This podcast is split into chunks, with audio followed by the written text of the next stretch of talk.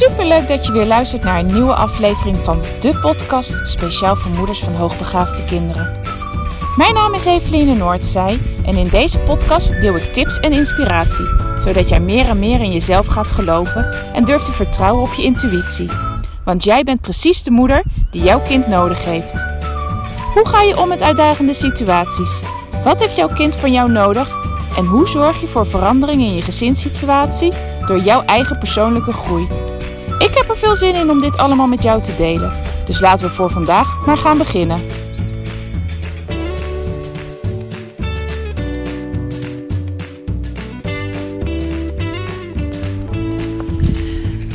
Leuk dat je weer luistert naar een nieuwe podcast, lieve luisteraar. Een nieuwe dag, een nieuwe podcast en deze keer een thema-aflevering. Ik heb deze week besloten om op elke vrijdag een thema-aflevering uh, op te nemen. Tenminste, ik neem hem eerder op, maar dat hij op vrijdag online komt. En daarin beantwoord ik de vragen die jullie hebben. Dus mocht je bepaalde vragen hebben, nou, stuur ze in. Laat het, mij, laat het mij weten. En vandaag gaan we het hebben over emotionele buien bij, bij kinderen.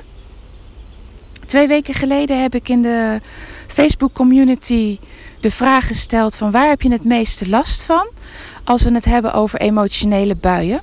Het is nogal eens een onderwerp waar ouders van aangeven dat ze daar heel graag tips en adviezen over willen hebben. Dus ik dacht, nou, laat ik eens duidelijk krijgen waar ze dan precies tegenaan lopen. En die vraag heb ik gesteld. En ik heb daarop een aantal reacties gekregen. Ik ga de eerste er even bij pakken en uh, vandaag uh, ga ik die bespreken en antwoord op geven. Even kijken waar die is. Hier is die. Hoi Eveline. Waar ik tegenaan loop is dat je ze soms overschat omdat ze al op zo'n volwassen niveau praten en begrijpen. Terwijl ze emotioneel juist heel primair reageren. Ze zijn extreem gevoelig en het nemen het zichzelf kwalijk als iets niet lukt. Nou, dit is een deel van de vraag, tenminste van het stuk wat deze moeder heeft geschreven.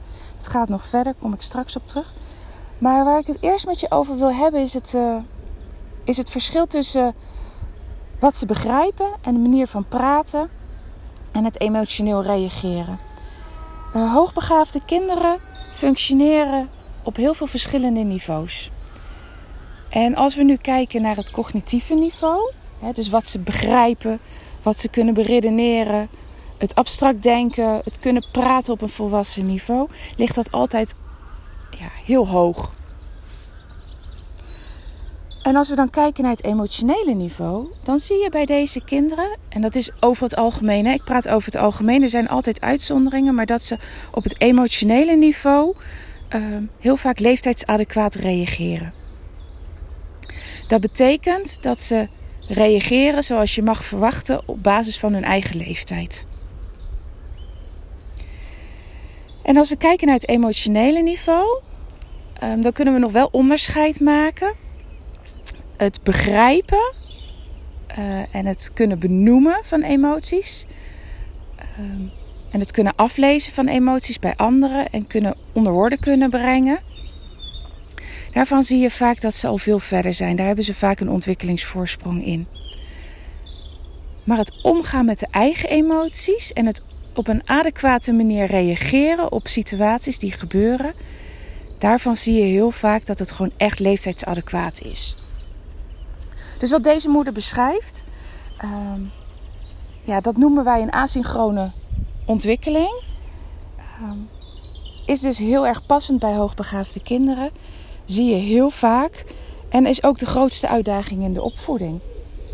Want je zal je steeds moeten aanpassen aan het niveau uh, wat dominant is. Dus op het moment dat het kind lekker in zijn vel zit, het gesprek met je aangaat, ja, dan kan je op een hoog niveau insteken. Dan kan je ze inderdaad aanspreken uh, als een veel ouder kind en ook een, nou ja, soms inderdaad wel een volwassen gesprek voeren.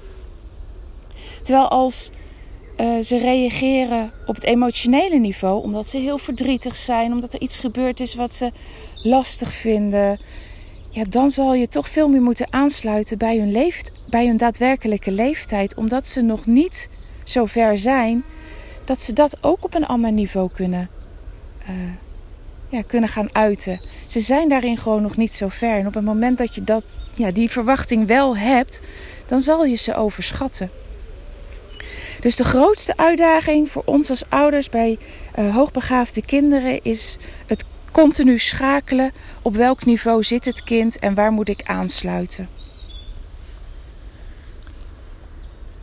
Goedemorgen. Um, ja, ze nemen het zichzelf erg kwalijk als iets niet lukt. Dus elke keer bijsturen of goed bedoeld iets willen, ze willen leren, zien ze als iets negatiefs, omdat ze het nog niet zelf hadden bedacht. Um, als ik dit lees, dan is mijn eerste gedachte. Um, en dat haal ik eruit. Hè. Misschien is dat niet zo, maar zo, zo, zo uh, komt het bij mij over. Is alsof je het als ouder zijnde heel erg probeert um, voor, ja, voor te kouwen. Dat klinkt heel negatief, maar het te benoemen. Um, en ja, daar zit een stukje bepaling in. En hoogbegaafde kinderen hebben over het algemeen een hele sterke wil om zelf dingen te bepalen. Die autonomie is uh, sky high. En dat is lastig, maar niet als je de goede tools weet uh, te gebruiken. Dus op het moment dat zij iets heel lastig vinden omdat ze iets niet, omdat ze iets niet lukt. En je weet dat ze het vervelend vinden als jij de oplossing gaat bedenken. Dan kan je veel meer gebruik maken van een coachende manier van begeleiden. En wat bedoel ik daarmee? Is dat je veel meer vanuit open vragen stellen. Ze gaat. Ja, ze uitdaagt om zelf over die situatie te gaan nadenken. Waardoor je ze ook weer uitdaagt om zelf met een oplossing te gaan komen. En als je die coachende benadering gebruikt, dan blijf je ook veel meer uit uh, de strijd die ontstaat op het moment dat ze het gevoel hebben dat ze eigenlijk falen omdat ze het zelf niet bedacht hebben. Ik hoop dat je daar iets mee kan, want dat zie ik dat heel veel van deze kinderen echt nodig hebben, is dat ze veel meer vanuit die coachende benadering uh, geholpen worden, ondersteund worden. En als ze die ondersteuning krijgen, dat ze ook daarmee ontzettend groeien en dat ze uh, vertrouwen in zichzelf krijgen. Nou, ook de positieve gevoelens zijn extreem, schrijft deze moeder. Uh, bijvoorbeeld, mijn zoontje kan erg hard huilen omdat er een leuke dag voorbij is. Ja, uh, de gevoelens zijn er en die worden vaak uh, extreem ervaren, tenminste extreem geuit en heel intens ervaren. En daarin, uh, dat is heel herkenbaar. Dat, zo ervaren heel veel ouders uh, de emoties van hun kind. Hij weet zich dan geen raad met zijn emoties. We praten veel en leggen veel uit, maar alles voelt zo extreem. Nou, en ik denk dat dat laatste ontzettend goed is. Hè? Veel praten en veel uitleggen. Vooral omdat deze kinderen ook heel veel kunnen begrijpen. Um, maar mijn tip zou hierin wel zijn: uh, doe het absoluut niet op het moment dat het kind in zijn extreme emoties zit. Op het moment dat een kind, maar ook volwassenen in zijn emotie zit, staat het eigenlijk niet open voor wat er gezegd wordt. Het komt niet binnen. En wat je het beste kan doen in deze op deze momenten is uh, wachten tot die uh, meest extreme emotie over is. Blijf erbij, uh, ondersteun je kind, maar ga niet het gesprek aan. En dat betekent niet dat je niks kan zeggen. Je kan best zeggen: Oh, goh, ik snap dat je verdrietig bent. Of wat, je kan eventueel vragen wat er gebeurd is, maar als daar geen reactie op komt, laat het even liggen en probeer het gesprek achteraf te gaan voeren. Ook weer vanuit het stellen van open vragen um, en niet vanuit het aanbieden van oplossingen, want daarmee zal je zien dat ze vaak de kont toch tegen de krip gooien. Um, dan had ik nog een vraag binnengekregen, of tenminste het was niet helemaal een vraag, maar het was meer een omschrijving van. Uh, even kijken hoor, waar ik hem nou heb. Ja, het gaat hier ook over de intensiteit van de emoties. En zo erg dat het bijna theatraal wordt. Uh, onze dochter is juist heel extravert, waar ik enorm uh, introvert ben. En ze, ze, uit haar emoties dus ook in volle hevigheid. Uh, maar het zijn ook vaak afgeleide emoties. Het emmertje zit dan vol. Nou, waardoor het komt bijvoorbeeld door de school of de drang naar perfectie. Of het niet zich kunnen uiten bij anderen. En moet dan leeg. En vaak is, uh, uit ze zich op het moment dat er zich iets voordoet wat eigenlijk niet, niets met de daadwerkelijke oorzaak te maken heeft. Ja, dit is heel herkenbaar. Um, toen ik uh, jaren geleden de, de workshop gaf uh, Omgaan met emoties bij kinderen, uh, was dit ook altijd iets wat ik besprak. Ieder mens, ehm, ja, zo, tenminste zo, zo zie ik het, ieder mens heeft een emmer en gedurende de dag vallen er allebei druppels in. Um, op het moment dat jij opstaat en je kan je sleutel niet vinden, nou, is dat een irritatie, vallen er druppels in je emmer. Um, kom je op je werk en is het eerste mail die je leest een uh, onaardige mail, bijvoorbeeld van je baas, komen er druppels in je emmer. En die, al die kleine situaties doen nog niet zo heel veel met je. Hè? Die kan je eigenlijk nog heel goed handelen. Uh, maar ze vullen je emmer wel. En naarmate je emmer verder gevuld raakt, zal je gaan merken, en dat is bij kinderen niet anders, dat je minder kan hebben. Of dat je kind minder kan gaan hebben. En ja, op het moment dat die emmer zo goed als vol zit, hoeft er maar iets te gebeuren. En dat kan een heel klein iets zijn. Iets waarvan jij denkt: nee, dit kan niet zijn dat jij hier zo vanuit je plaat gaat. Uh, maar dat is die laatste druppel. Dus het is niet zo dat het kind daadwerkelijk alleen maar boos is of verdrietig is om dat hele kleine voorval. Nee, het is die hele emmer die geleegd moet worden. Dus alle emoties komen eruit en alle emoties zorgen voor heftigheid. Um, en dat kan echt wel eens duren, um, als je wilt tenminste, dat die hele emmer ook geleegd wordt. En ik ben zelf daar wel een voorstander van. Laat die emmer maar gewoon legen. Want dan kan er weer een nieuwe ronde gaan plaatsvinden. Uh, maar zal je merken dat je kind langere tijd ontspannen is en meer kan hebben. Op het moment dat jij bij een heftige bui probeert die zo snel mogelijk te stoppen, zal je gaan ervaren, of misschien ervaar je dat nu al wel, dat bij de eerstvolgende kleine, het kleine voorval die emmer alweer uh, ja, gaat uh, overlopen. En hoe zorg je nou eigenlijk ervoor dat jouw kind die emmer gaat legen? Ja, is om de ruimte te geven aan die emoties. Um, vermijd daarbij op dat soort momenten ook de opmerking van: Nou, het is nu wel genoeg, stop nu maar met huilen. Of uh, boos zijn heeft nu geen zin meer, het is nu voorbij. Um, want je ontneemt je, je kind daarmee de kans om zijn uh, emmer te gaan legen. En wat kan je dan wel doen? Dat is altijd een uh, veel betere uitgangspunt. En dat is ook echt waarom ik deze podcast opneem. Omdat ik je zoveel mogelijk wil voorzien van ja, inspiratie en tips waarmee je zelf direct aan de slag kan. Wat kan je op die, dat soort momenten wel doen? Ga maar bij je kind zitten als dat is wat je kind nodig heeft.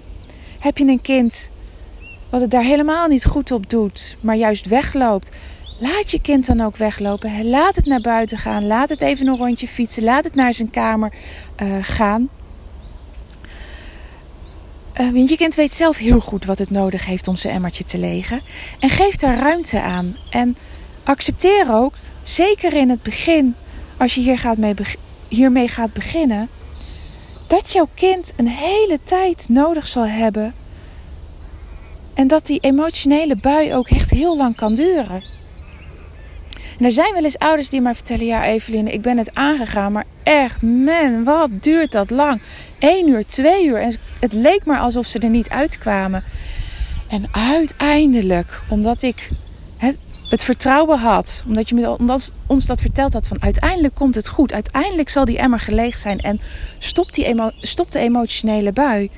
Ik heb het vol kunnen houden en je had inderdaad gelijk.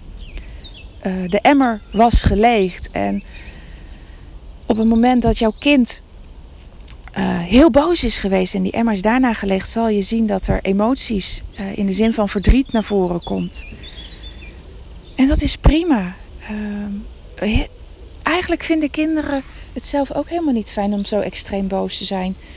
Uh, tenminste, mocht jij een kind hebben die dat heel leuk vindt, dan hoor ik het graag. Maar ik heb het nog nooit gehoord. Heel veel kinderen vinden het zelf ook heel vervelend. En willen het zelf liever ook niet. Um, dus laat het gaan, maar besef je dat op het moment dat jij uh, hiermee start, dat het ook echt wel lang kan duren voordat die emmer geleegd wordt. Nou, dit naar aanleiding van uh, uh, het stuk wat deze moeder had geschreven. Uh, waarin het dus echt vaak is dat er andere dingen spelen. Ehm, en ja, dan is de uitdaging voor jou als ouder op het moment dat je dat merkt, hè, dat er heel veel andere dingen spelen. Van ja, wat speelt er dan daadwerkelijk bij mijn kind, waardoor die emmer elke keer vol kan gaan lopen? En ga je daarop richten. En niet op het beperken van de emotionele buien van je kind. Maar ga aan de voor, ja, zo noem ik dat altijd. Ga aan de voorkant zitten. Ga kijken wat veroorzaakt uh, ja, die hoeveelheid emoties bij mijn kind. En wat kan ik daar al preventief aan gaan doen? Uh, nou, ook deze moeder schrijft dan op zo'n moment is uh, reflectie of nuchter beredeneren echt niet mogelijk.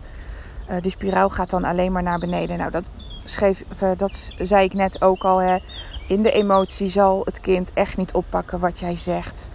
Pas als die emmer geleegd is, zal je zien dat er veel meer ruimte zal komen voor een gesprek.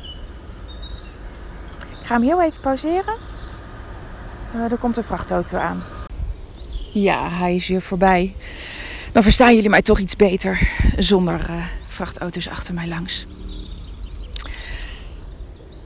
En, en dan de laatste uh, vraag van een moeder die ik voor vandaag wil behandelen. En dat is: hoe kan ik zelf rustig blijven op het moment dat, er, ja, dat mijn kind zo'n emotionele bui heeft? En dat is denk ik een, een hele goede vraag. Want als we het hebben over laat je kind het emmertje legen, ja, dan moet je zelf wel heel sterk in je schoenen staan om die rust te kunnen blijven bewaren. Uh, de afgelopen week had ik een podcast opgenomen over, uh, die ging over uh, tijd nemen voor jezelf. En daarin had ik deze vraag ook al een stuk verwerkt. Hoe belangrijk het is dat je zelf voldoende energie hebt en als je uitgerust bent om op dat soort momenten rustig te kunnen blijven en liefdevol te kunnen blijven reageren. Maar er zit ook nog een andere kant aan. Op het moment dat jij bij jezelf merkt dat jij heel vaak ja, het bij jezelf voelt borrelen op het moment dat jouw kind boos aan het worden is, dan is het heel interessant om uit te gaan zoeken wat maakt dat dit die reactie bij jou oproept. Want het triggert jou. Het doet iets met jou. En zoals ik al in heel veel podcasts uh, heb geprobeerd uh, te bespreken met je, is dat er.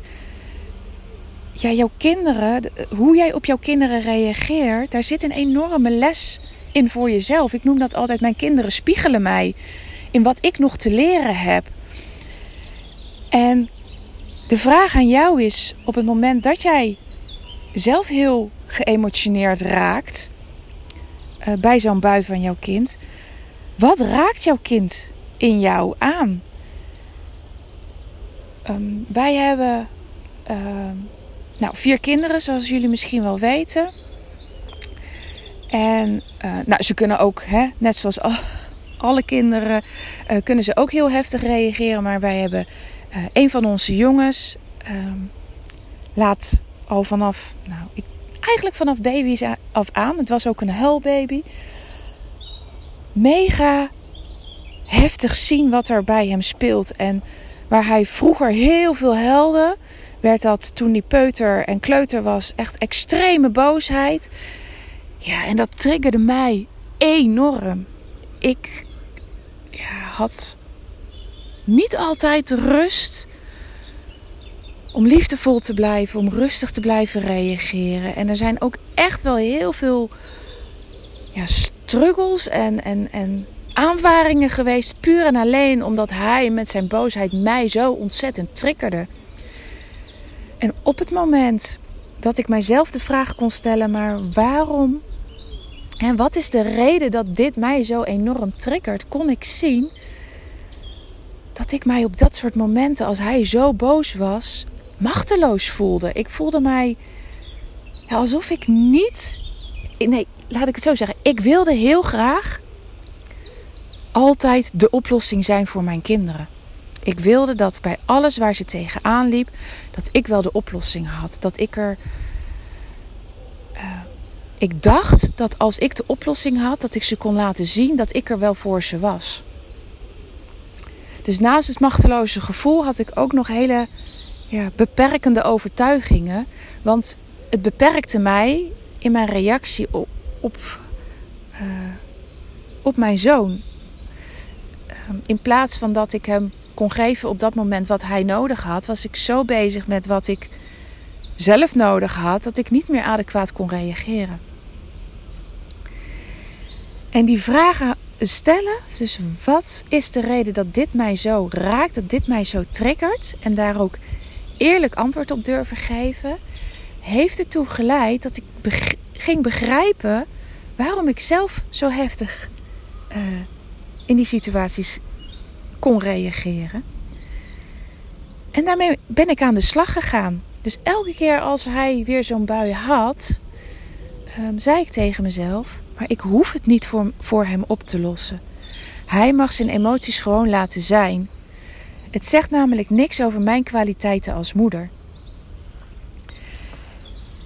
En dat heeft mij heel erg geholpen om op die momenten rustig te kunnen blijven. En nou is dit wat mij raakt. Hè? Uh, bij jou kan het goed zijn dat je, dat je andere overtuigingen hebt. Of dat je andere gevoelens daarbij hebt. Uh, maar onderzoek ze eens. En dan daag ik je uit. En, um, om dat ook echt daadwerkelijk in alle eerlijkheid uh, te beantwoorden. Want alleen als je eerlijk in deze situaties naar jezelf bent, zal, zal jij dit ook kunnen gaan veranderen. Nou, en ben jij degene die mij deze vraag gesteld heeft? Dan ben ik heel erg benieuwd. En dan zou ik het heel fijn vinden. Uh, ben ik, ook, ik ben mega nieuwsgierig. Uh, wat jouw antwoord is op de vraag: wat is de reden dat deze emotionele uitbarsting van mijn kind mij zo raakt? Hoor jij dit en heb jij niet de vraag gesteld, maar vind jij het wel leuk om dit met mij te delen? Nou, dan vind ik het ook super, uh, super fijn als je dit uh, met mij wilt delen. Dan hoor ik ook graag van je. En om, als je kan, probeer dan ook het uh, proces te omschrijven waar je doorheen bent gegaan. En geef even aan of je het ook of je mij toestemming geeft om dat eventueel ook te delen. Want het kan natuurlijk enorm waardevol zijn, ook voor andere ouders om dat te horen. Nou, inmiddels ben ik uh, ruim 22 minuten aan het praten. Ik ga hem dan ook uh, afsluiten. Weet dat ik elke vrijdag een thema-podcast uh, op ga nemen. Dus heb jij vragen, stel ze mij. En wie weet beantwoord ik hem volgende week in een nieuwe podcast. Fijne dag!